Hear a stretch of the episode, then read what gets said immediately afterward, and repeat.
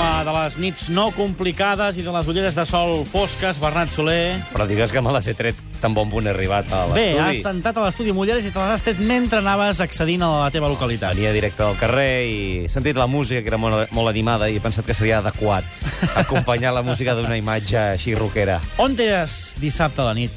No me'n recordo... Ah, sí, a Santiago Bernabéu, al, a l'escenari del crim. Bernat Soler va transmetre el partit per TV3 i els seus companys van fer aquell típic reportatge de què diu el soci del Bernabéu, i clar, fa uns anys que això és divertidíssim. Es van trobar coses com aquestes. El primer gol lo hemos met- metido porque han fallado ellos nada más empezar. No somos rival por ahora para el Barcelona. Te veo de bajón. Es la realidad. Ha pasado un rechace mala suerte, un cúmulo de despropósitos porque no se está mereciendo el Barça ganar este partido como lo va ganando de momento. De momento, no, no se lo merece. Está jugando mejor el Madrid, está siendo más agresivo el Madrid y está teniendo más la bola el Madrid. Este muchacho está con ansiedad y no hay forma de que meta gol. Ronaldo. El Madrid tiene jugadores suficientes para jugar la pelota y no se puede jugar así. Al, al contraataque, metidos atrás y además muy mal en las marcas, muy mal, muy mal, muy mal. ¿Para qué voy a esperar al final? ¿Qué más voy a ver ya? Quiero decir una cosa, Cristiano Ronaldo es buenísimo contra el Villarreal y contra el Betis. ¿eh? Nada más. En los partidos contra el Barça Cristiano Ronaldo la caga. Así que, por mí se puede ir a la mierda. Vale, gracias. Apa. Bé, El és senyor el... agraeix l'oportunitat d'enviar Sí, de, sí. de, d'enviar la merda a Cristiano és el, Ronaldo. el tall de veu de- d'aquest d'aquest reportatge, que ja és un clàssic que s'encarrega a Víctor Pazzi, que té molta habilitat. Mai l'han pagat, no? No, no, mai l'han pagat, es mou amb molta discreció, tot això es fa d'una forma camuflada, eh? no vas allà amb un... No, no va Víctor Pazzi amb un càmera al costat i amb el micròfon de TV3. portava càmera de mà, Ell no? mateix d'una càmera... Bé, tot això són, diríem, secrets de sumari que ell, si vol, un dia ja ho explicarà. Ara s'ha anat al Japó, o sigui que també el pots trucar. Però sí, sí, clar, i és un dels hits parells de, dels hit parells de- d'aquesta última època on cada cop que el Barça visita el Bernabéu es troba amb escenes boníssimes com aquesta. Tu, Bernat, has assistit a grans fracassos del florentinisme els últims anys al Bernabéu, perquè vas ser-hi en aquest 1-3. El 0-2 a la Champions també el va també fer TV3. el 0-2 de la Lliga de fa tres, dues temporades també. I l'empat a un amb el Lió, que els deixa fora de la Lliga de Campions. Sí, sí. Aquell dia me'n recordo el silenci absolut que es va fer. Eh, va empatar l'Olímpic de Lió amb el gol de Pjanic. Devia faltar ben bé un quart d'hora perquè acabés Oh, el 20 partit. minuts, sí, sí. El Madrid eh, amb un gol... No, dos gols necessitava. Dos necessitava gols. dos gols, però en fi, sabeu com és el Bernabéu quan necessita dos Amb un gols? gol forçava la pròrroga. Sí. No, no, No? perdien. Habían Sí, perdido sí. 1 a 0. No, no, però és que es va col·lapsar tothom. És a dir, i, i els jugadors es van encomanar d'aquell d'aquell sentiment. Jo les sensacions del Bernabéu en aquests dies de grans fracassos blancs, especialment quan hi va el Barça, eh, el recordo molt i, a més a més, tenen, diríem, uns, uns senyals molt inequívocs, no? Jo parlaré, per exemple, del de, el so del pànic que és un so que és gairebé imperceptible, és gairebé un silenci més que un so. I es produeix el dia, com dissabte, que el Barça ja va guanyant, i comencen a tocar la pilota Iniesta, Xavi, agafa la pilota Messi, aleshores... I és que es pot com escoltar com els ossos dels socis van- del Madrid es van cruixir. Crec, crec, crec, crec, crec. Hi ha una sensació de veritat que es pot gairebé tallar amb un ganivet de, de, de por, de pànic, el que veuen que allà, ai, ai, ai, ai, ai, ai, que en cau un altre, ai, ai, que en cau un altre. És espectacular aquesta sensació gairebé física del, del so del Bernabéu quan hi va el Barça i comença a remenar la, la pilota. És una cosa d'una tensió però no és un silenci sepulcral, perquè fins i tot se sent el...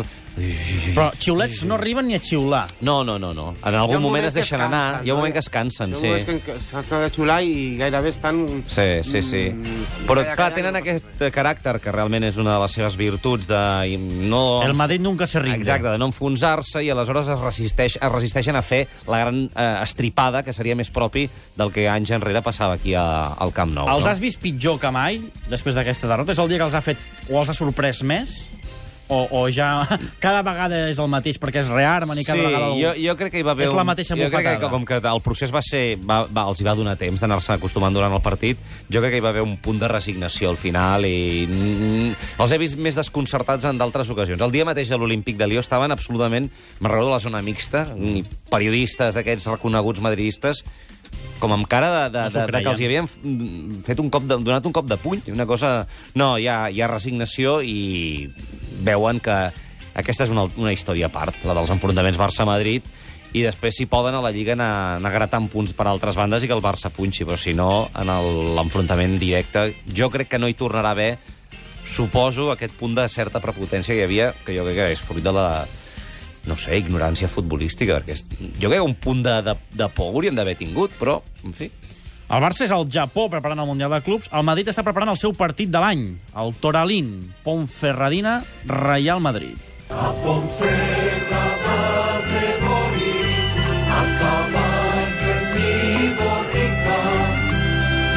El Madrid de Champions, el que diuen que dissabte ha de ser també líder a la Lliga, té avui el seu partit. El partit de l'any al Toralín Sports Stadium de Ponferrada, capacitat per 8.000 persones.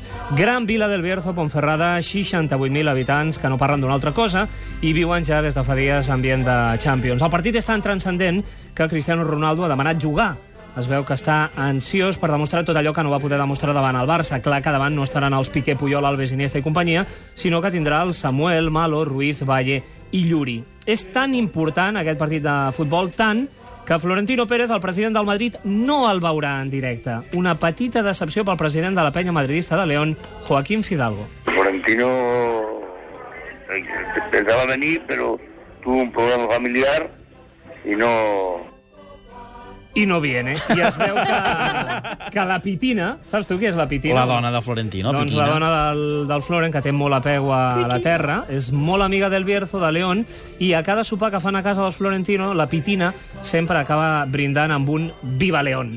Doncs ni la Pitina ni el Floren podran veure en directe aquesta final del Mundialet. La transcendència, insistim, és tan gran que els jugadors del Madrid estan molt concentrats. Ahir, a l'arribar a l'aeròdrom de León, no van poder atendre els aficionats que eren a l'aeroport. Cristiano Ronaldo s'ha tornat tan solidari que ahir va aparèixer a l'aeròdrom de Virgen del Camino amb caputxa blanca. I els nens del Madrid van sortir una mica decebuts. Pocos osos, tampoco era para tanto. Ya te digo, hoy venían cansados, tenían ganas de llegar y acostarse. Ya Cristiano con la capucha. De Chendo, que fue el único que se paró. Muy chulos. Muy xulos. Segur que a León, si quedava algun nen del Madrid, s'haurà fet a hores d'ara del Futbol Club Barcelona. A més a més, el president de la Ponferradina és soci del Sí. Real Madrid i l'entrenador és Claudio Barragán, que també és declarat madridista. Acabem amb una correcció, diu avui Tomás Roncero, que el Madrid fue, és i seguirà siendo el equipo del pueblo, però si ens quedem amb el cartell del partit d'avui, Ponferrada, Real Madrid, Roncero, ha afegit una L de més. El Madrid fue, és i seguirà siendo un equipo de pueblo. Claudio Barragán era el, davanter que, que acompanyava a Bebeto al Deportivo de la Coruña. Sí, el, Depo, el Superdeport. El Superdeport. Anem a publicitat i després més coses, com per exemple dir-vos que teniu dues entrades dobles pel Barça de Mar. Avui, a partir de dos quarts de deu, si les voleu, és molt senzill, envieu-nos les dades. punt arroba catradio.cat.